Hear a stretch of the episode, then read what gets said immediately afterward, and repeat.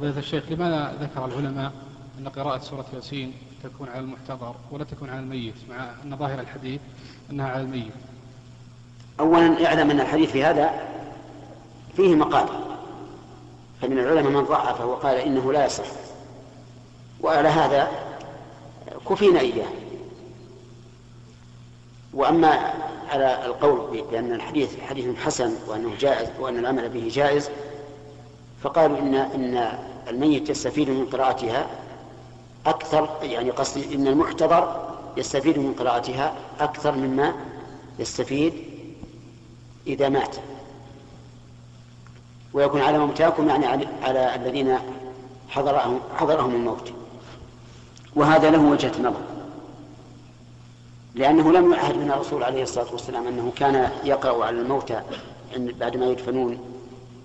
أو أو قبل أن يغسل بل الأمر بل إن النبي عليه الصلاة والسلام أمر بالإسراع بالميت. نعم.